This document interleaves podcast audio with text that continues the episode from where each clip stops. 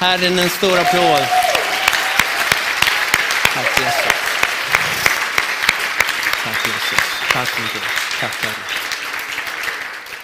Amen. Varsågoda och sitt. Och det är de här stunderna, jag förstår Alfred när han säger att det är dags att dra sladden. Det känns inte roligt det här liksom. Man skulle kunna fortsätta lite till och prisa Herren. Och om du är här och känner, oj tjena vad de är sentimentala och emotionella. Vi har inte ens börjat ska du veta. Vill du ha mer av den här varan, kom på, på tisdag. Då blir vi tillsammans och prisar Herren tillsammans.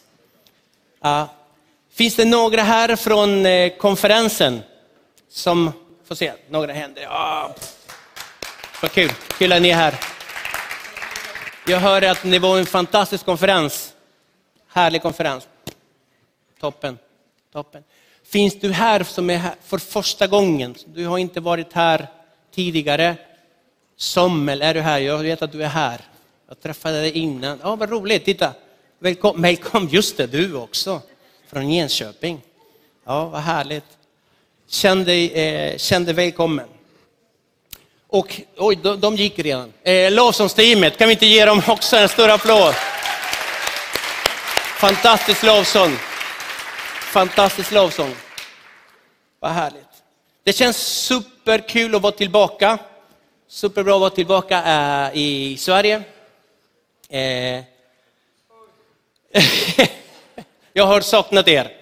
Saknat det här, saknat gemenskap, saknat, saknat dig Alfred jättemycket. Ja, ja. ja, det är samma.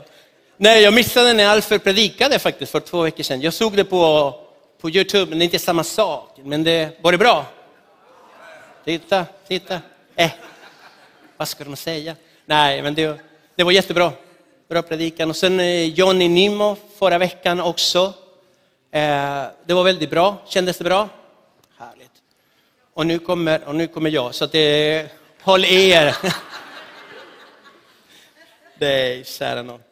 Eh, vi har haft en serie Eh, som avslutades förra veckan, eh, Ny himmel och ny jord. Och vi ska börja med något nytt, sådär, som kom heligande.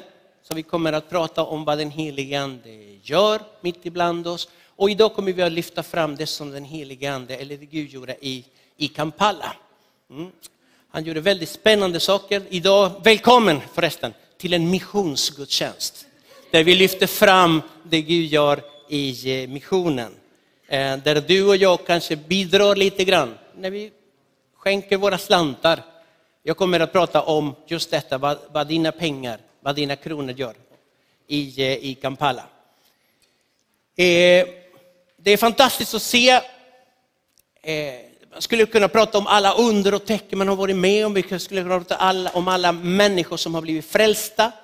Eh, vi såg väldigt mycket sånt. Men det, för mig, Eh, det viktigaste är kanske inte alla de under, utan att se att bilden av Gud blev större. Min uppfattning om vem Gud är blev större. Eh, det är så lätt att, att liksom glömma Gud mitt i alla dessa under och tecken. Ah, det är så häftigt. Vänta, miraklernas Gud att vi inte glömmer honom. Ibland springer man efter väckelse och man glömmer väckelsens Herren på vägen. Utan, men min bild av Gud blev större när jag såg allt det han gjorde där. Och tanke på att det han gjorde där, det kan han också göra här. För samma Gud som finns i Kampala finns också även här i Stockholm. Och det han gjorde där, det vill han också göra här. Så vi kommer att prata mer om detta.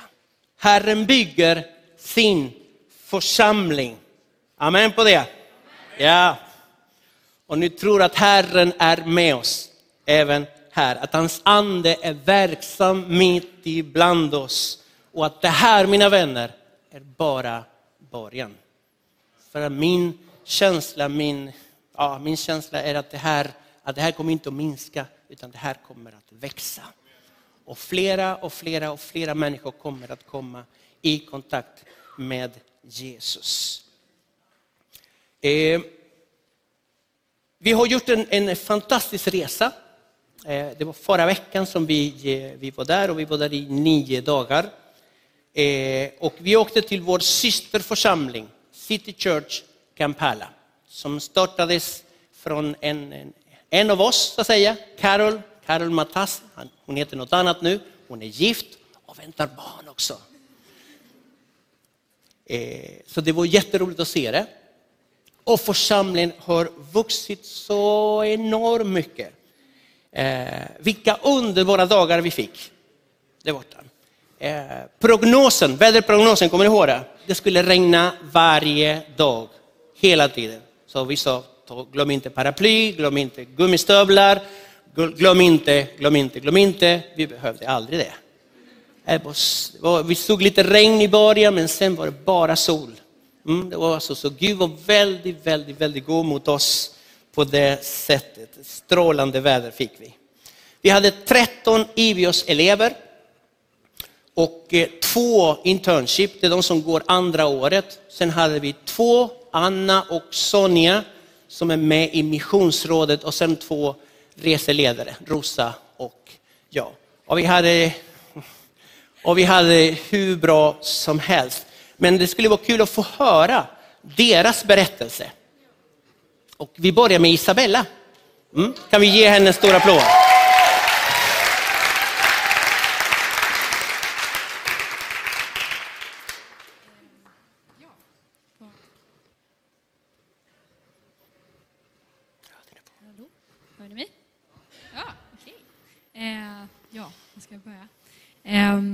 Jag har väl varit, eh, eller till en början så var jag väldigt skeptisk till den här resan. Eh, väldigt nervös och väldigt, eh, ja men det kändes inte så bra för att jag kände inte att, att Gud kallade mig till att göra en sån här resa. Så, så jag, jag var jättenervös men jag åkte ändå och det är jag väldigt tacksam för att jag, jag gjorde nu. Eh, för att Gud verkligen motbevisade allt som jag hade, allt som jag hade tänkt och känt inför resan eh, så fort jag kom dit. Eh, jag fick möjligheten att be för en äldre kvinna första mötet som hade ont i sitt ben. Hon hade haft ont i över två år och då fick jag lägga min hand på henne och be i Jesu namn att all smärta skulle gå. Och så simpelt var det och jag såg att Gud bara helade henne där och då direkt. Eh, jättehäftigt. eh, och eh, ja, jag har haft en väldigt eh, svår förståelse för att Gud verkligen kan hela. Eh, jag har varit med om det och fått höra om det och se det liksom. Men jag har aldrig fått vara med om att Gud använde mig att, att hela liksom. Eh, och det var jättehäftigt att få vara med om. Ehm, så ja, allting bara släpptes under första mötet. Alla tankar och allt som jag hade känt inför resan bara släpptes och jag var så förväntansfull på vad Gud skulle göra under denna vecka. Ehm, ja, så det jag bara vill säga är att även om man känner sig sänd eller inte så tycker jag att man ska ta tillfället att göra en sån här resa. Ehm, och jag tror verkligen att alla är kallade till att, att liksom gå ut i mission, oavsett om det är liksom i Sverige eller i Uganda eller var det är någonstans, så tror jag verkligen att alla är kallade till att sprida evangeliet och, och liksom be för folk och be om helande och bara sprida Guds kärlek. Ehm, jag tror verkligen det och jag är väldigt tacksam att få, få vara med på den här resan. Det har varit jätteberikande och jättehäftigt verkligen. Amen. Ja, tack. Amen.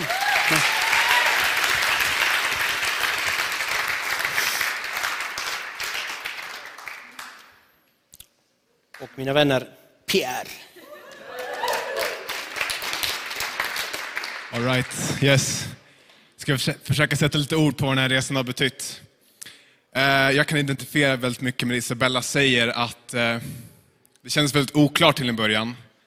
Dels för att jag aldrig varit i sådant här land innan, jag vet inte vad det innebär, jag känner inte till kulturen, jag känner inte till folket. Liksom. Och jag personligen har inte sett på mig själv som en person som Gud kan använda för att hela andra.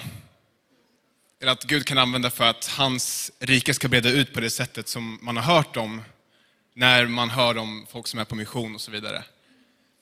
Och de tankarna liksom gick runt och runt liksom första dagarna och man undrade när det skulle släppa.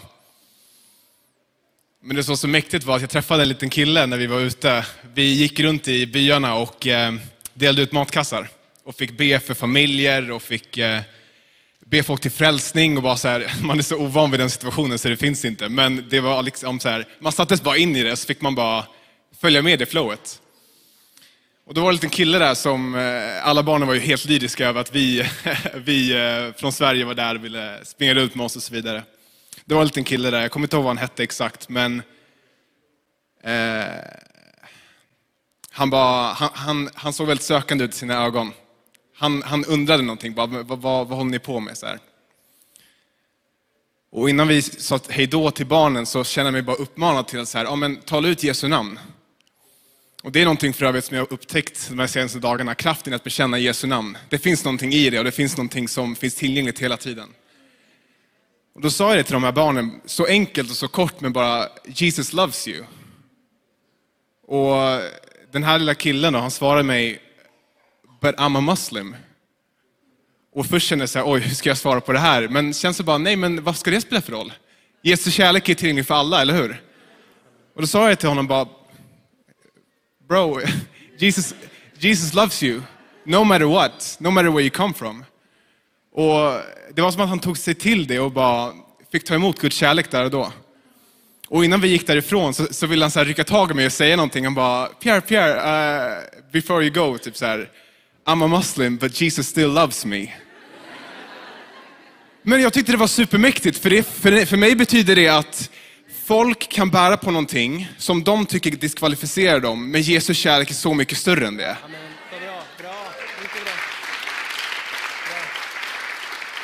Och det är så oberoende av att vi är Uganda eller inte. Det finns tillgängligt här och nu. Vilka liv väntar Gud på att vi ska få gå ut i för att Jesu kärlek ska få synas i våra liv? Och det är så enkelt. Det behöver vara så... Eh, och det är för övrigt någonting jag upptäckt den här resan, att Gud skapar inte dig som du är av en slump. Gud har skapat dig precis som du är, med personligheten som du har, med förmågorna som du har, karaktärsdragen som du har för att hans rike ska berikas ännu mer. Om jag känner att jag behöver bli någonting annat för att bli använd av Gud, då går den här världen miste om vad Gud vill berika den här världen med. Så det var en uppmuntran för mig och det är en uppmuntran för oss alla, liksom, att i vår vardag, att Guds rike kan ta plats här och nu. Och att ta det på allvar, att Gud kallar oss till det. Och det bästa av allt är att Gud kallar oss inte bara för att använda oss, han kallar oss för att möta oss. När vi går i vårt liv som vi skapade och får leva i en ärlig relation med Gud, det är där vi hittar sann frihet. Och det som är så fantastiskt är att det är där Gud använder oss som mest. Gud är här och nu, han vill använda oss där vi är som vi är. Och det är mission. Det har jag verkligen fått upptäcka.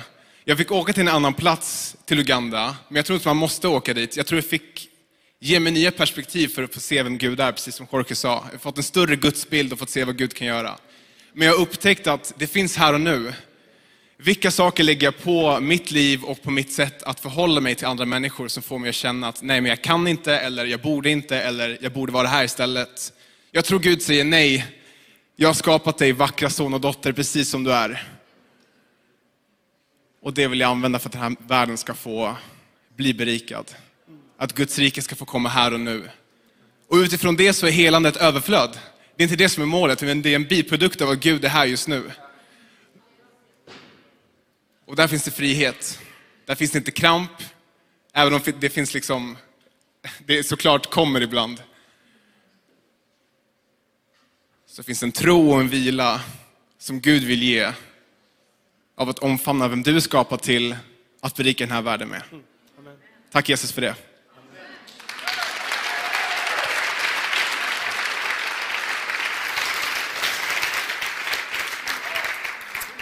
Och nu ska vi få höra Emilia.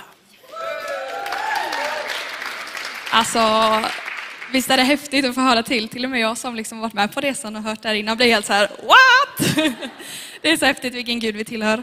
Ehm, som Pierre berättade så fick vi vara med och ehm, dela ut matkassar och gick ut liksom i områdena runt kyrkan. Ehm, och den första dagen vi gjorde det Eh, så var jag ute med två till från det ugandiska teamet eh, och så mötte vi en kvinna eh, och pratade med dem. Vi fick liksom dela att vi skulle ha möte på kvällen och att de var välkomna dit och vi fick ge ett litet så här matkasse. Liksom. Och så fick, frågade vi även om vi liksom fick be för någonting, om det fanns något hon ville ha förbön för. För jag såg att hon stod och höll sig lite om magen och så här och tänkte, hmm, finns det något där vi kan be för? Eh, så då frågade vi och hon sa att jag har ont i min mage, ni får gärna be för det. Eh, så då bara, precis så enkelt som Bella sa, liksom, la, vi, la jag min hand på hennes mage och tillsammans med de här andra vi var ute med eh, och bad för henne. Och det var, inte, det var inte riktigt den här ni vet, snabba, shit, oh, nu händer det någonting. Eh, Utan vi bad ett tag liksom, och var envisa i det och jag tänkte jag ska inte ge mig nu, Gud vill hela liksom, vi går på det. Ehm, och, eh, ja, men vi bad och vi bad och vi bad och det hände liksom saker. Hon, man kände att det var, det var någonting på gång. Liksom. Eh, och så efter ett tag så bara kände jag att eh, liksom, inombords bara be henne säga eh, Jesus är Herre. Eh, nu i efterhand så kan, kan jag förstå att det var liksom helig ande som sa det och ingav det. Eh, men där bara så här, be henne säga Jesus är Herre. Eh, och, så, och så sa vi det liksom. Eh, och så fick hon själv liksom, på sitt eget språk tala ut det att ja, men Jesus är Herre och sa det liksom om och om och om igen. Eh, och efter det så hennes mage som var ganska spänd och svullen och liksom så här, det, det kändes att det var inte helt rätt. Liksom. Efter att hon hade börjat säga Jesus är Herre, Jesus är Herre så sjönk den ihop eh, och blev mjuk eh, och liksom smärtan var borta eh, och hon blev helad. Så häftigt. Mm. Eh, och eh, det var bara så mäktigt att bara så här få se konkret att precis som Per sa, att vilken kraft det finns i Jesu namn. Alltså det finns något så stort i det, att bara få tala ut det eh, i det man står i. Och jag tänker liksom för oss alla, och framförallt för mig, jag känner bara vilken uppmaning det är att verkligen förstå vilken kraft det finns i det namnet. Jag tänker vi har ofta väldigt lätt att säga, men Gud är god och jag tror på Gud och hela det här. Men att säga namnet Jesus, det är något helt annat liksom. Vår frälsare och vår räddare, han dog för oss. Eh, och det var så häftigt att faktiskt få se det eh, konkret, att det gjorde skillnad. Liksom. Efter det så bara ändrades allt. Eh, så det var så mäktigt. Så jag vill bara uppmana, uppmana oss att ja, men våga ta det. Liksom. Våga det du står i, det som är din utmaning just nu. Tala ut liksom, Jesus är Herre över din situation. Och gå i, gå i tro på det. Yes.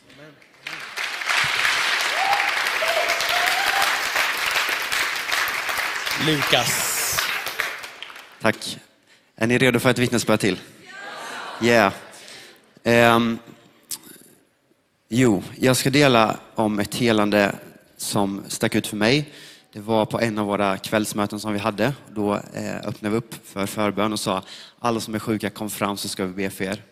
Eh, och där så kom det en kvinna till mig och hon kom fram, hon var desperat och sa jag har så dålig syn att jag kan inte skriva, jag kan inte läsa. Mitt jobb blir jättesvårt. Eh, hon liksom kunde inte titta upp i lamporna typ för att det var så känsligt. Eh, och jag började be enkla böner. Jag frågade hur gick det, eller hur känns det? Det blev ingenting bättre just då. Och då sa jag att ibland så behöver man be igen, så jag, jag sa vi ber en gång till. Och efter den andra gången jag bad så, så ser jag att när hon öppnar upp sina ögon så är det som att, som att färgerna ändras på ett sätt. Det är liksom nya ögon som jag ser. Och jag bara märker att det händer någonting och jag bara, vad händer? Hon bara börjar titta upp i lamporna bara jag kan se typ. Eh, och så drar vi fram en telefon med en text och hon börjar läsa texten. Och bara, wow, Gud är liksom griper in. Eh, och det, det bästa med resan var att verkligen praktiskt få gå ut i de här slumområdena. I princip gå och knacka dörr. Eh, jag, två afrikaner, går runt liksom. Har ni hört talas om Jesus? Det finns helande i namnet Jesus. Och på ett sätt kan man känna att när man hör alla de här historierna från, från Afrika, är det enklare för Gud att hela där nere eller vad är det som händer? Eh, och någonting som jag har märkt och som jag har uppmärksammat är att någonstans där nere i Kampala, i den här kyrkan, i de här människornas liv så finns det en förväntan. Det finns en större förväntan att Gud kommer gripa in. Det finns någonstans en större trosatmosfär att vet du vad, vi har ingenting annat. Det är Jesus som måste göra det här sista. Och det är någonting som jag verkligen tar med mig hem och som jag vill dela med er att jag tror att här i Sverige, här i Citykyrkan så kan vi bli bättre på att tro på Jesus, att han kommer gripa. Att vi inte bara sjunger att han är waymaker, miracle worker, utan vi också tror det. Sen är det också så här, en viktig sak att det är inte din tro, det är inte atmosfären som gör helandet, utan det är Gud. Så blir du helad, prisa Gud. Blir du inte helad, fortsätt prisa Gud och be igen. Ja, yeah, så det var det jag ville dela. Tack.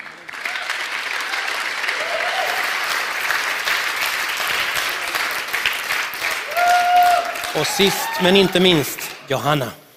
Inte minst i alla fall. Vilka sjuka stories. Oj. Eh, vi har pratat mycket om att vi gick runt i Betabika. Vi träffade människor, knackade dörr, delade ut matkassar. Eh, något mer som vi gjorde var att vi åkte till ett sjukhus för eh, drog, eh, drogberoende och eh, alkoholberoende. Det var de som var i stadiet på väg ut, liksom, så vi fick komma dit och ja, spendera tid med dem, se dem och uppmuntra dem. Och, eh, vi fick se Gud göra fantastiska saker. Jag fick se Gud göra fantastiska saker under den här resan. Men ändå så är det storyn från den här, det här sjukhuset som fastnade mest. Jag eh, fick träffa en kvinna som heter Margaret. Hon, eh, hon var lite äldre. Eh, hon, hon hade talsvårigheter, hon kunde inte riktigt prata. Hon kunde kanske säga några ord. Hon, hon var väldigt skygg, hon vek undan med blicken, tittade ner liksom. Log kanske lite grann, men annars drog hon sig undan. Eh, jag, jag, jag, fick lite hjärta för henne liksom, och spenderade den här timmen med henne. Vi, tillsammans så lovsjöng vi, vi dansade och vi, eh, några spelade spel. Eh, jag dansade med henne och eh, försökte, liksom, även om det inte gick riktigt att prata med henne, ändå liksom, försökte höra på hennes mumlanden liksom, och försökte ta hennes händer liksom, och dra igång henne lite. Och under den här timmen så hände, så hände någonting. Det hände en switch i henne. Hon började le, hon började skratta. Efteråt så började hon krama mina händer själv. Eh, och det, det, finaste var att jag hade inte hört henne prata ordentligt. Hon hade sagt Margaret, liksom. det var det hon hette. Eh, men hon sa I love you sister. Eh, och det slog mig så hårt att det var något som hände i henne under den här timmen. Det var inte bara en timme som hon blev lite sedd, utan någonting hände i hennes hjärta, i hennes själ. Och jag undrar, vad var det, vad var det under den här timmen? Var, varför fastnade det här? För det var ingen, det var ingen kraftgärning som hände. Det var ingen liksom så här livsomvänd, någon fysisk sak som ändrade framför mina ögon. Men det var någonting i hennes blick som hade ändrats. Och jag tror hon fick möta Jesus kärlek och hon fick möta Gud när vi var där. Eh, och vad jag har tänkt är att vi har pratat mycket om att vi pratar om att vi fick ha Jesu händer och fötter när vi var där. Jesu händer är att vi fick dela ut matkassar, vi fick hjälpa människor praktiskt. Vi fick vara Jesu fötter, gå ut med fridens evangelium, berätta om vår tro, berätta om det goda budskapet. Eh, men här, på den här, eh, på den här timmen, fick vi också vara Jesu ögon. Eh, vi fick se människor, vi fick vara medmänniskor, vi fick Se de som kanske känner sig bortglömda, de som känner sig under, de som känner sig att de inte är sedda av någon och de är kanske i skymundan. Eh, där fick vi vara Jesu ögon och se de som känner sig bortglömda. Eh, och det var jättemäktigt och det har liksom gripit tag i mitt hjärta jättemycket, Margaret. Eh, men jag vill också säga att de här situationerna, de här medmänniskorna, de finns runt er också. De finns på era arbetsplatser, de finns eh, i era skolor, vart ni än går, de finns på ICA. Liksom. Att vara Jesu ögon, det är att sprida Guds rike. Det är att lyfta människor, det är att älska dem, det är att sprida Guds kärlek till dem. Så jag vill bara uppmana, uppmana er att uppmana och uppmuntra liksom, att sprida Guds rike på det här sättet också. Eh, var, var Jesu ögon, liksom, se människor, se dem som andra kanske inte ser. Ja, det var typ det jag ville säga.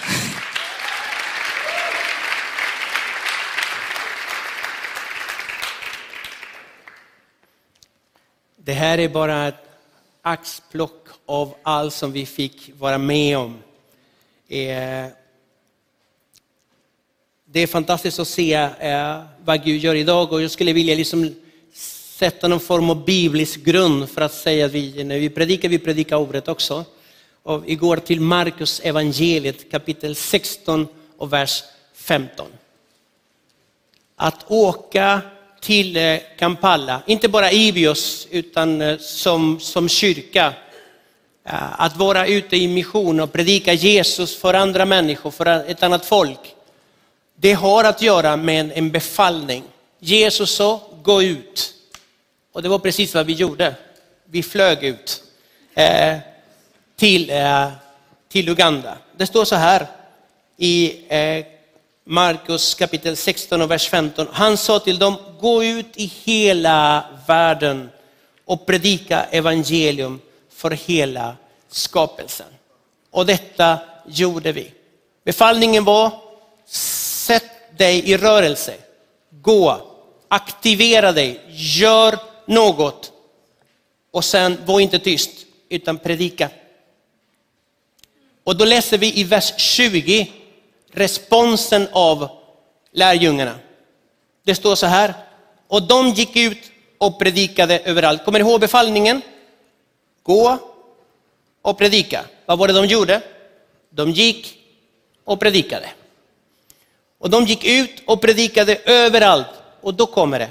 Och Herren verkade tillsammans med dem och bekräftade ordet genom de tecken som åtföljde det. Lärjungarna gjorde vad de kunde. Vad var det de kunde? De kunde gå och de kunde predika. Och för att sen Herren ska göra det han kan. Vad är det han kan göra? De övernaturliga tecken. Genom frälsning, genom helande, genom befrielse, genom upprättelse. Detta är sättet som Gud har att bekräfta vår predikan. Det är hans ord vi predikar. Eh, det var superhärligt att möta församlingen i Kampala, City Church Kampala. Eh, församlingen har vuxit jättemycket. Det är så många nya ansikten. Det är så många nya människor. Eh, byggnaden, det är inte längre, före detta Ibios elever, det där tältet finns inte längre.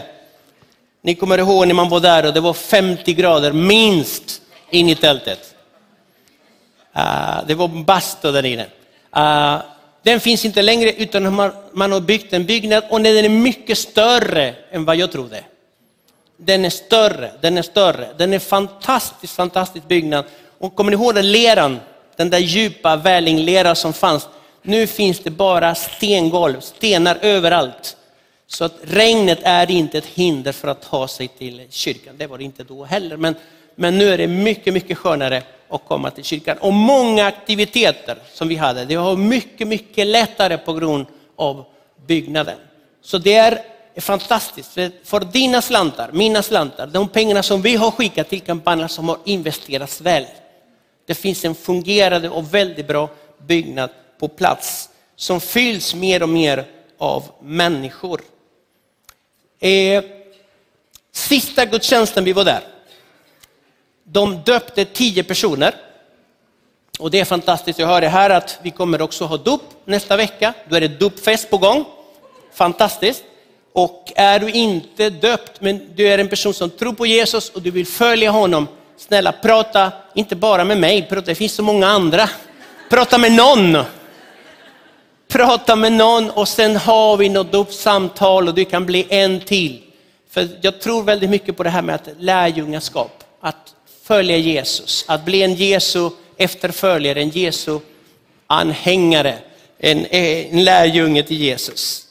Eh, sista mötet vi hade där, de har 320 stolar. Alla var upptagna och människor stod längst bak. I, och barnen hade redan gått till söndagsskolan. Så det är liksom, man märker att det här är, det är någonting, det är någon, någon form av rörelse som, som sker i Kampala. Eh, vi delade ut matkassar, det samlades pengar här för just det här ändamålet. Det var flera församlingar runt om i Sverige som samlade pengar för just detta. Vi delade ut 240 matkassar till eh, folket runt omkring. Och sen fanns det också pengar för att köpa eh, saker som vi använder på det här sjukhuset. Eh, och sen på en Soha-dag. Eh, Soha är våran, eh, vad heter det? Faderverksamhet i, eh, i Kampala. Efter den här resan fanns det fem nya fadrar Så det är fantastiskt. Eh, det var jättekul att träffa alla dessa barn och angående barn. Man kan tänka så här, men vad, vad hjälper det att köpa lite godis och leka lite och se dem och krama? Vad hjälper det? Det är dropp i havet. Det är mycket bättre en dropp i havet än inget droppe alls, för det första. För det andra, det är så vi stärker vårt självförtroende. Det är genom att någon ser oss, det är genom att någon hör oss, det är genom att någon kramar oss. Det är så vårt självförtroende växer. Och varje gång vi, vi tittade på ett barn, vi kramade ett barn, varje gång vi gav av vår kärlek, Guds kärlek till det barnet, vi stärker ett barn. Vi stärker ett barn. Och vad vet vi vad Gud gör sen med det barnet? Eh, sen hade vi väckelsemöten eller helande möten där vi fick be för allt som rörde sig. Och vi, det var så gött att se vad Gud kunde göra. Eh, jag tänker på en tjej i första, första gudstjänsten. Den tjejen var plågad av massa grejer. Det var mörker. Det var, hon var i, det fanns väldigt, väldigt mycket mörker i hennes hjärta och det kunde man se. Alltså det, var, det var svart, alltså det var tom blick. Det fanns inget liv där. Eh, och Rosa tillsammans med några andra, de bad för henne och hon blev befriad och eh, hon tog emot Jesus. Jag träffade henne sista söndag, i söndags alltså. Och det var en annan tjej. Alltså ansiktet, det var något annat. Hon lyste. Det var något annat som fanns på insidan. Det var Jesus som var på insidan. Det kunde man se. Och det här är så fantastiskt för att samma blick kan man också finna här i Sverige. Den där tomma blicken, mörkret, hopplösheten. Det är bara svart. Men tänk om Jesus fick komma in där. Tänk om ljuset fick tränga undan mörkret. Tänk, tänk om, om Guds liv fick tränga undan döden. Tänk om. Tänk om. Sen hade vi Soha-dagen och det var massa barn. Alltså det var barn från hela området. Det var så, det var så kul. Och det var kul att se eleverna också, leka och ansiktsmålning och så Jag, jag var inte med men, men vi får se, vi får se. Vi lovar ingenting. Eh, och sen på eftermiddag hade de lite häng, liten häng och lite musik. De tog ut lite, lite bord och det fylldes av ungdomar. Och, och våra ungdomar, de, eh, de, spelade, de sjöng, de dansade, tävlade. Det var en sån rolig atmosfär. Det var så bra relation. Det var en sak som, som slog mig när vi var där, att redan på första gången, den, det teamet i Uganda och teamet från Stockholm, det, det, det, bara smälte ihop. Det bara smälte, det fanns inget, de där borta och de vi här, eller, det var bara ett stort vi. Det var, bara, det var, och det var så kul att se det. Det var en familj på två olika platser. Mm. Och sen gudstjänsterna, härliga.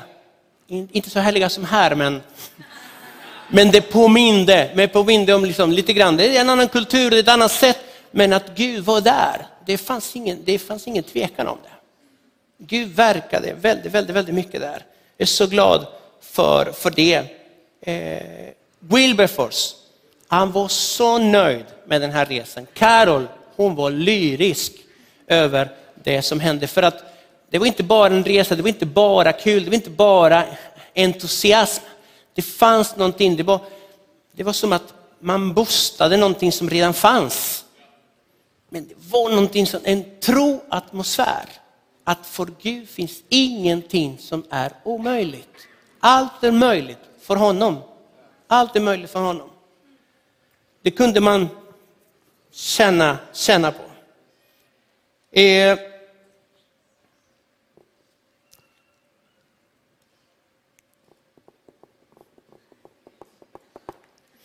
jag tänker på den där förväntan som flera elever lyfte, lyfte fram här.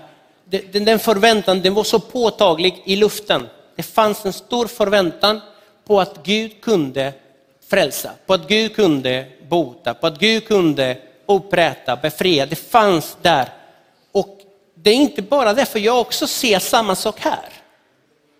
Jag ser att det finns en förväntan på att Gud är större än vad jag har sett hittills. Större än vad jag har upplevt hittills. Och det är därför liksom det är så kul att ha vittnesbörden i själva predikan. Det är eleverna som predikar idag om att allt är möjligt för honom. Han kan hjälpa dig även i din situation. Mm. Det sista ordet är alltid Herrens. Alltid Herrens. Och jag är så tacksam. Jag är så tacksam för det Herren lät mig se i Kampala. Min syn på Gud har blivit större. Min syn på hans förmåga har blivit större. Min tro har förstärkts. Och när vi har just det här, eh, när vi lyfter fram, kom heligande, låt det bli en bön.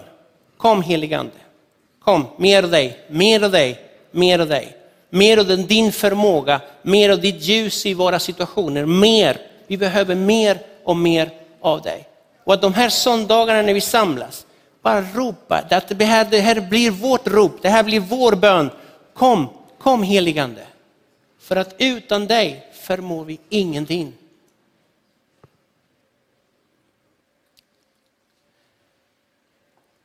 Jag såg eh, att det finns en sån stark tro på området. Butabika heter området. Butabika betyder mentalsjukhus. Ah, ingen roligt namn. Och det är för att precis finns ett väldigt stort mentalsjukhus i området och då heter området så.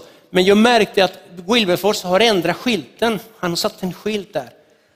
Där, ja men det här är tro. Och, och det, det Faith Park heter det.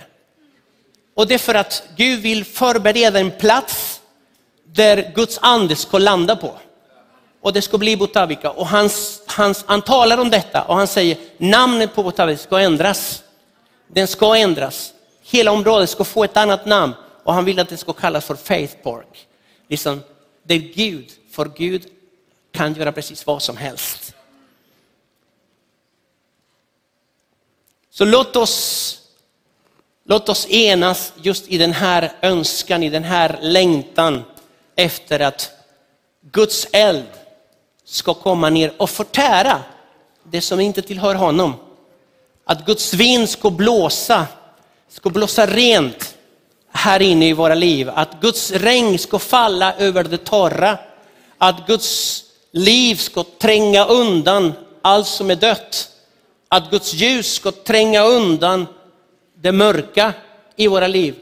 Och att vi fylls utav hopp och en förväntan att Gud är mycket större än det jag hittills har upplevt.